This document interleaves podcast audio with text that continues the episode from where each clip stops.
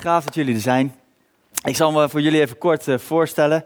Ik ben Wilfred van Barneveld en uh, maak als voorganger onderdeel uit van het team waarmee we deze kerk vanaf september aan het bouwen zijn samen. En ik ben getrouwd met Elle.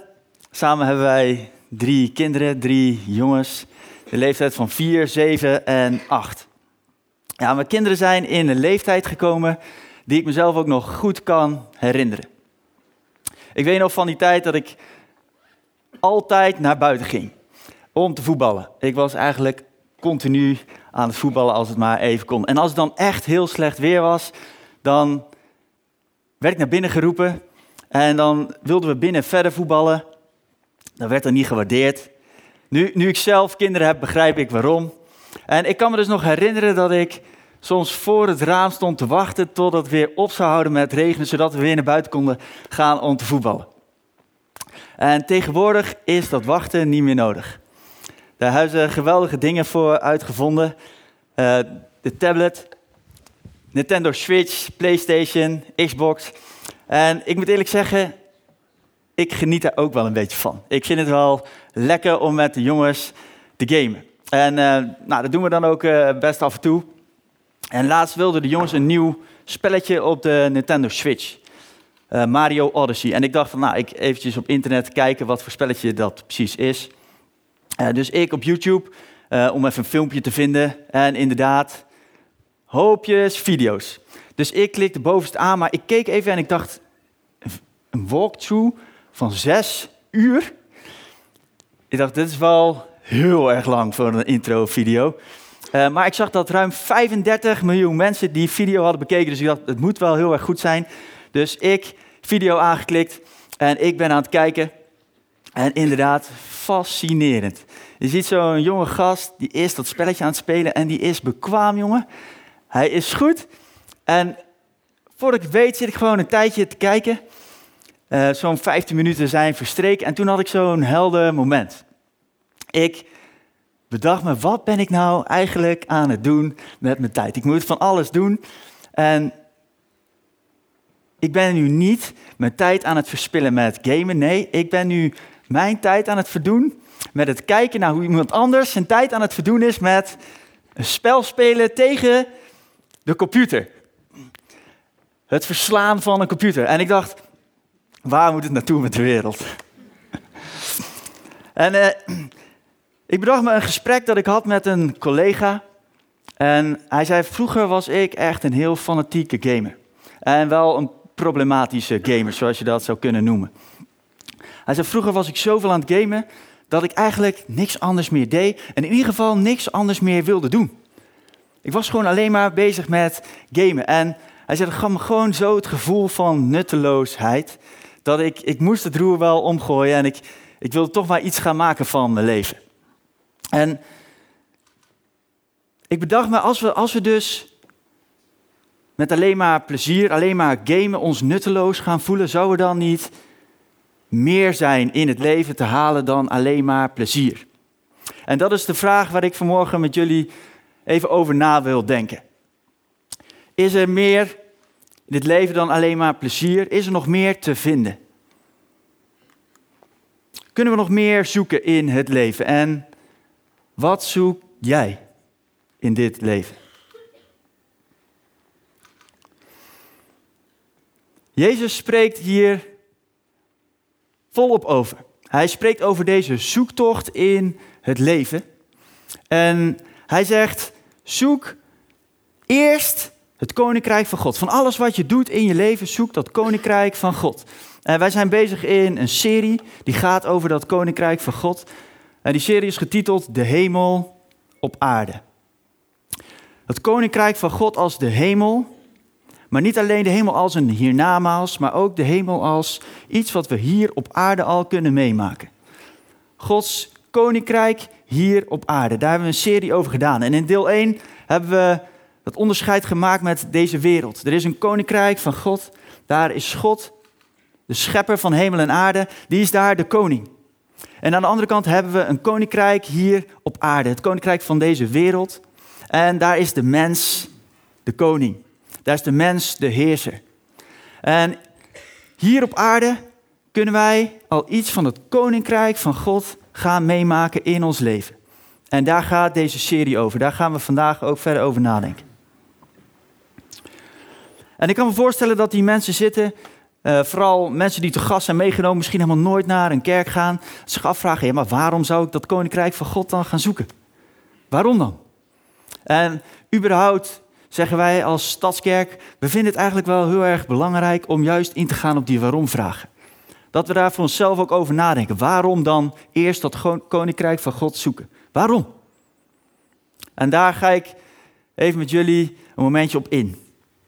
Gaan we samen over nadenken. Laatst was ik met Elle op een avond de luizenmoeder aan het kijken. Daar houden wij wel van. En uh, ik denk ongeveer twee weken terug was er een aflevering getiteld Jezus in je hart. En er zat daar een fragment in wat ik jullie graag even wil laten zien. Er zijn twee personages, Volkert en Nancy. En Volkert die speelt een getraumatiseerde uh, oorlogsveteraan. En samen hebben zij een gesprek over zou er niet meer zijn. En Nancy komt tot een confronterende conclusie. Ah, wat mooi, Volkert. Ah, hier word ik gelukkig tenminste weer een beetje blij van. Mooi. Ook Jezus in je hart? Nee, nee, dat niet. Maar ik vind het wel een mooi verhaal, ik weet niet. Oké. Ik geloof niet zozeer in God of zo, maar ik geloof wel dat er iets is. Iets? Ja, soms voel je toch een soort kracht of zo als je je rot voelt. Ja? Ja, iets. Dat er iets is, iets groters, dat het toch allemaal bepaalt om je heen. Een God of zo? Nee, niet God. Iets tussen hemel en aarde, een soort oerkracht die je dan voelt. Ken je dat niet? Nee. Nee?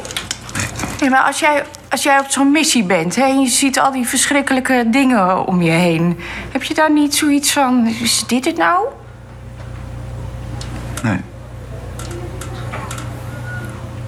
Ja, maar er moet toch meer zijn? Nee. Ja, maar dat kan toch niet anders? Jawel. Ja, maar waar is het dan allemaal goed voor, al dat gezoeg de hele tijd? Nergens voor. Maar waarom zijn we hier dan? Tja. Wil jij de piek even aangeven?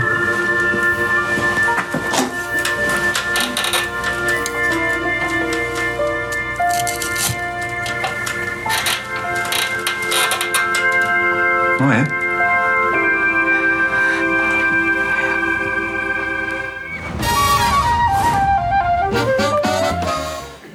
Waar is het dan allemaal goed voor? Dit gezwoeg hier op aarde.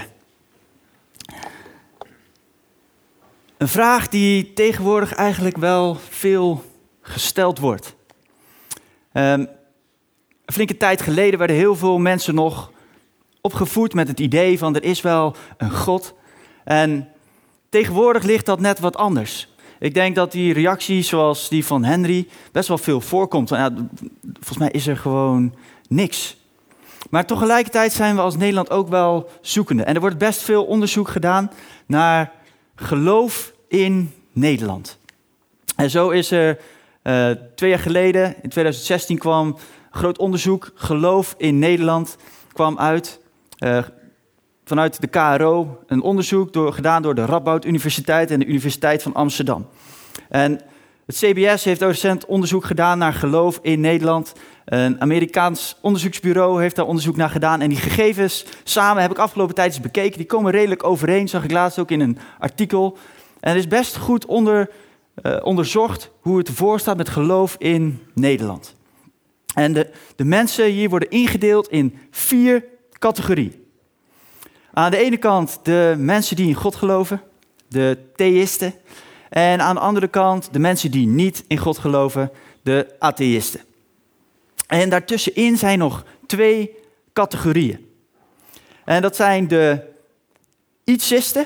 Ik heb het niet zelf bedacht, echt niet. Die geloven in iets. En die zeggen, ja, ik geloof wel. Ik geloof wel in iets, in een kracht of zo, maar ik weet niet of dat een God is. En ik, ik geloof wel in iets, maar ik weet niet precies wat. En aan de andere kant de agnosten, die zeggen, ik weet het niet. Het, het, zou zomaar eens kunnen zijn dat die theïsten gelijk hebben, of die ietsisten die zeggen er is wel iets, maar ja, ik weet het gewoon niet. Uh, misschien hebben die atheïsten wel gelijk. En is er helemaal niets. En deze twee categorieën samen zijn dus 62% van de Nederlanders. Dit zijn de mensen die, die net als Nancy zeggen, waar is het allemaal goed voor in dit leven? En die zeggen, misschien is er wel meer. Het zal toch allemaal wel ergens goed voor zijn, maar ik weet niet zo goed wat. En misschien pas jij ook wel in deze categorie. En vraag je ook af, waar is dit leven nou eigenlijk goed voor? En dat is eigenlijk best een heel belangrijke vraag om jezelf te stellen. Het is wel goed om daar eens over na te denken, want we kunnen zomaar opgaan in alles wat het leven ons te brengen heeft, zonder daarbij stil te staan. En Jezus zegt dan: ga dan op zoek naar het koninkrijk van God. En hij zei dat in een tijd die er heel anders uitzag als de tijd waarin wij nu leven. De mensen waar tot hij sprak, die leefden in de onderdrukking van de Romeinen. En ze kenden in die tijd niet de welvaart zoals wij dat kennen in deze tijd. Deze welvaartsstaat waarin wij leven. En toch blijft die vraag: zoek, waar ben je nou op zoek in het leven? En toch blijft Jezus zeggen: zoek naar het koninkrijk van God in een heel andere tijd. Een tijd die een tijd geleden is aangeduid als een tijd waarin wij bezig zijn met het zoeken, het eindeloos zoeken naar amusement. Neil Postman schreef een boek over getiteld Amusing Ourselves to Death. En hij beschreef deze periode als een periode die zo anders is als de voorgaande eeuwen. Vroeger waren we in conflict. En vechten we tegen conflict in oorlogen, um, armoede, ziekte. En tegenwoordig hebben we eigenlijk alles wat we maar kunnen krijgen. En amuseren wij ons kapot, maar zegt Neil Postman, wat brengt het ons? Misschien zegt de naam Marcus Pearson jullie iets. Dat is de bedenker van het spel Minecraft. En hij was al een enige tijd bezig met ontwikkelen van games. Totdat hij deze succesformule bedacht. Een combinatie van gamen en Lego en bouwen. En het werd een groot succes. Op een gegeven moment, Marcus die verdiende wel 2,5 ton per dag. En op 35-jarige leeftijd verkocht Marcus Minecraft aan Microsoft. Voor 2,5 miljard. Die gast is binnen. Op 35-jarige leeftijd met pensioen. Wat wil je nog meer? Geweldig. Wat een enorm succes. En tegelijkertijd is het diezelfde Marcus die de volgende tweets uitbrengt. Hij zegt, dan ben ik daar lekker aan het rondhangen in Ibiza met een groep vrienden. Aan het feesten met beroemde mensen. Ik kan alles doen wat ik maar wil. Alles ligt tot mijn beschikking en ik heb me nog nooit zo geïsoleerd gevoeld. Hoe kan dat toch? En hij tweet ook het volgende. Hij zegt: Het probleem met alles hebben en alles krijgen is dat ik helemaal geen motivatie meer heb om de dingen te blijven proberen. Dan, kan ik alles krijgen en alles ligt in mijn bereik. Alleen ik, ik heb geen motivatie meer om dingen te blijven proberen.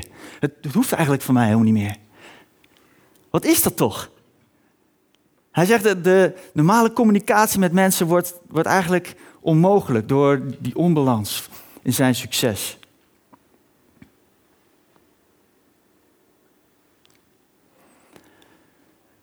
Ravi Zacharias is een apologeet, een theoloog, een filosoof. Hij spreekt met de meest slimme mensen op aarde.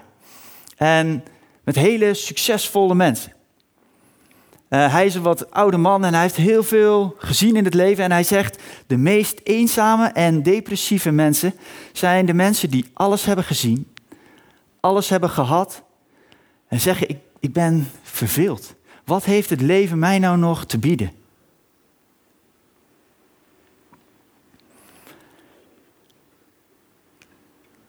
Jezus zegt, er is meer in dit leven dan alleen maar plezier en succes. Dan alleen maar ons vullen met alle dingen die we mooi vinden in deze wereld. Want als we ons daarmee vullen en we zitten er van vol, dan voelen we ons alsnog leeg. Dan zijn we alsnog aan het zoeken naar meer en als, als dat niet meer mogelijk is, dan zijn we verveeld. Jezus zegt, er is een mogelijkheid om je hier in dit leven te vervullen op een manier zodat je niet meer op zoek hoeft naar meer in deze wereld. Jezus zegt, je kunt je steeds laten vullen met de dingen van deze wereld, maar ik kan je vullen op een manier zodat je geen honger meer krijgt. Hij zegt, ik ben het brood dat eeuwig leven geeft. Als je bij mij komt, zul je nooit geen honger meer hebben. Als je in mij gelooft, zul je nooit geen dorst meer krijgen. Oh ja, en, het is mogelijk. In deze wereld kun je je vullen met van alles en nog wat. Er is veel te halen, zeker in deze tijd.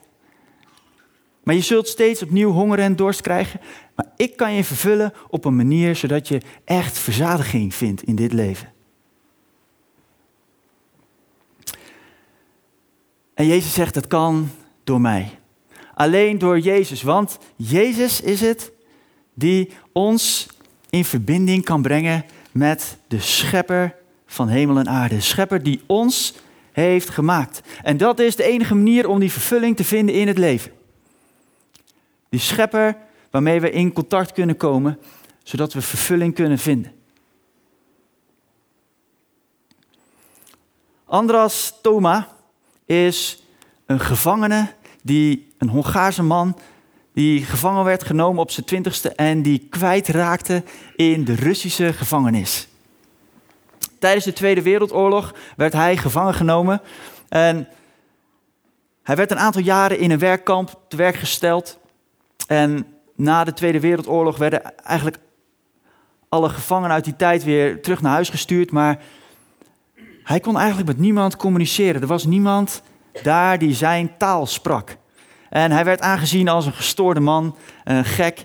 En dus werd hij in Rusland in een gevangenis, in een speciale instelling, ergens in een hokje weggezet. En daar zat hij voor vele, vele jaren. En in het jaar 2000 was er een grote reorganisatie daar bij die gevangenis. En ze zaten nog steeds met die Andras, waar ze eigenlijk geen raad meer wisten. Ze wisten niet wat ze met die man moesten doen. Ze konden hem niet naar huis sturen, want ze hadden geen idee of hij familie had. En ze konden eigenlijk niet met hem communiceren. En terwijl daar een aantal mensen over spraken, was er een Slovaakse arts die zei: Weet je wat, laat mij eens met die Andras praten. En hij ging in gesprek met deze man. En de conclusie die hij trok verbijsterde iedereen. Hij zei: Deze man is niet gestoord. Deze man spreekt Hongaars in een specifiek dialect, wat maar op een aantal plekken wordt gesproken. En ja, hij heeft flink te lijden gehad over al die tijd dat hij hier opgesloten heeft gezeten. Maar ik kan best goed met hem communiceren. En volgens mij is deze man helemaal niet gestoord. En dus werd er een campagne opgestart om de familie van Andras te vinden. En de media kregen te horen en het werd overal verspreid. En ontzettend veel mensen melden zich aan als de familie van Andras. Uh, en dus moest er met DNA gecheckt worden wie nou echt die familie was. En uiteindelijk was er een halfzus gevonden. En Andras mocht naar huis. En toen hij te horen kreeg dat hij naar huis mocht, deed hij een opmerkelijk verzoek. Hij vroeg om een spiegel. En hij kreeg een spiegel in zijn handen gedrukt.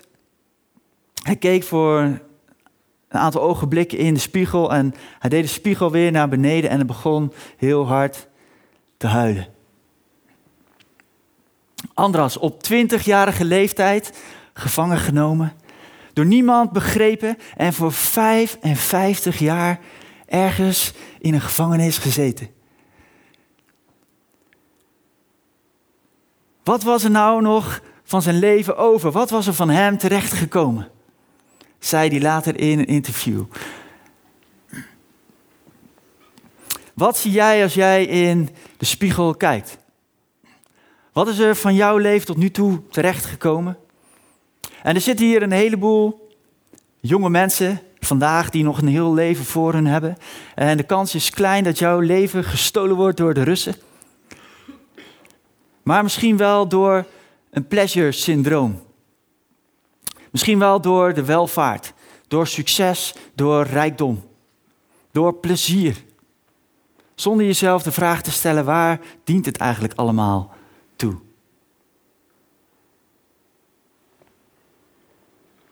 Jezus zegt: zoek eerst het koninkrijk van God. En Jezus zegt niet: zoek alleen maar het koninkrijk van God.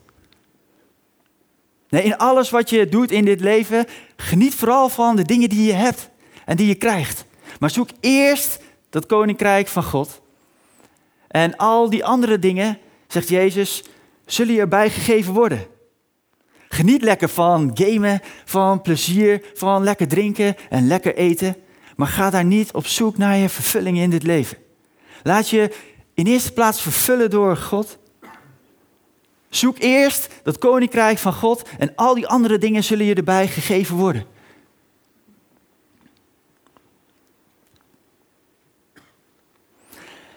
En ik kan me voorstellen dat hier uh, mensen zitten die zich afvragen, ja, maar hoe dan? want dat is best wel een vraag waar ik ook de afgelopen tijd over nagedacht heb. Ja, maar hoe werkt het dan? Hoe werkt het dan eerst Gods koninkrijk zoeken in ons leven? Hoe? Hoe moeten we dat doen?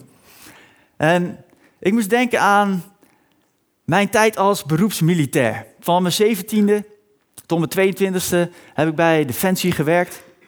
En ik wilde bij de infanterie. Dat zijn de soldaten die te voet, zwaar bewapend, acties uitvoeren. Het leek me tof, eh, dus ik naar de infanterie. En als eerste wat je daar uitgereikt krijgt is je persoonlijke wapen. Iedereen krijgt zijn wapen. En vanaf dat moment waar jij gaat, daar gaat jouw wapen. Overal waar jij naartoe gaat, neem je dat ding met je mee. En of je nou naar de wc gaat, of je nou gaat eten, of je nou naar bed gaat, ochtends als je wakker wordt, het eerste wat je doet is je controleert of je wapen nog werkt. En als infanterist ben je eigenlijk niets zonder je wapen. Dat werd er gezegd. Jij bent pas een infanterist als jij je wapen bij je hebt en gereed voor gebruik. En als je hem ooit ergens neerlegt, zorg dat je hem nooit uit het oog verliest. En dit is wel te vergelijken met koninkrijk van God als eerst. Dat is God met je meenemen waar je ook gaat. Is God met je meedragen. En misschien wel het eerste wat je wakker wordt, is wat je doet, is dat je met God communiceert. Dat je je bewust bent en dat je God nooit uit het oog verliest in jouw leven.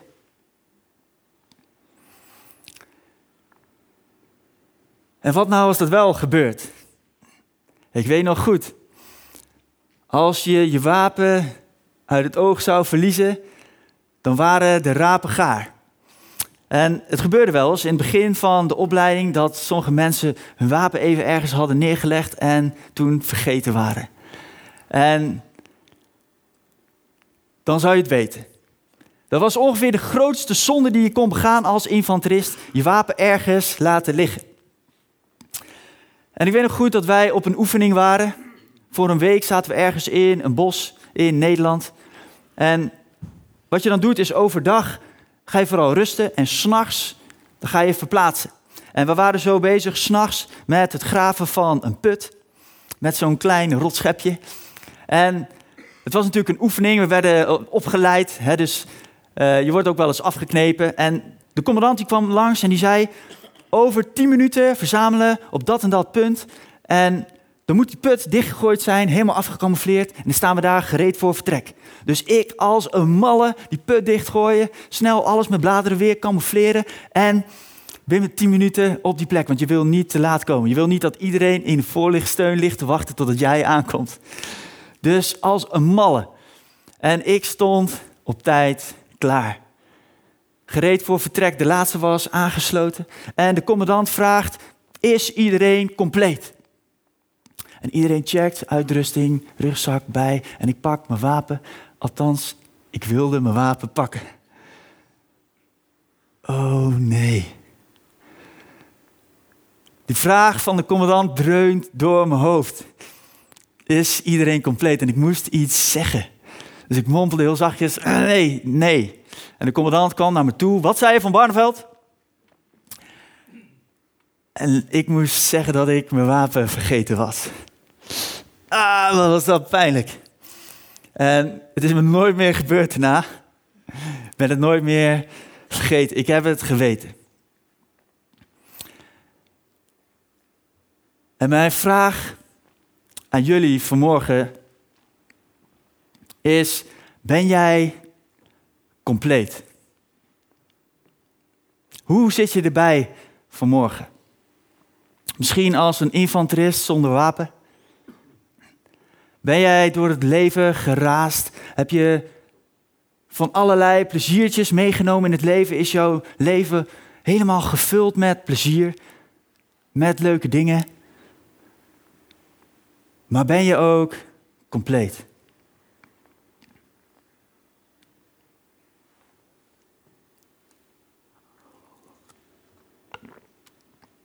Jezus zegt, ik ben de enige die je echt kan vervullen.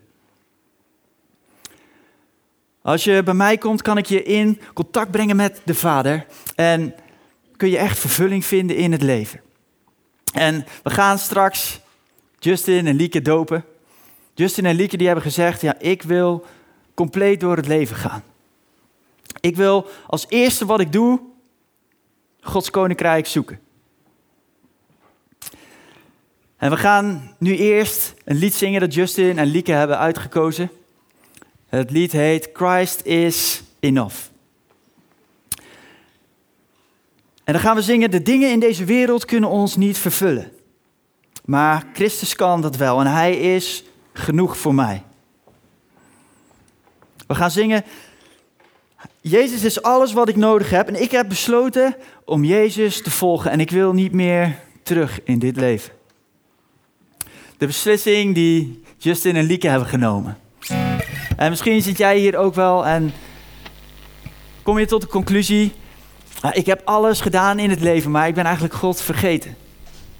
En ik wil ook wel terug. Ik wil misschien wel voor het eerst zeggen, ja, ik wil ook Jezus volgen. Ik wil dat Jezus me vervult. Ik wil vervulling vinden in het leven. En dan nodig ik je uit om dit lied mee te zingen. Dit lied wat Justin en Lieke hebben uitgekozen. En voor jezelf mee te zingen. En als je dat wil, kun je gewoon zingen. Christ is enough for me.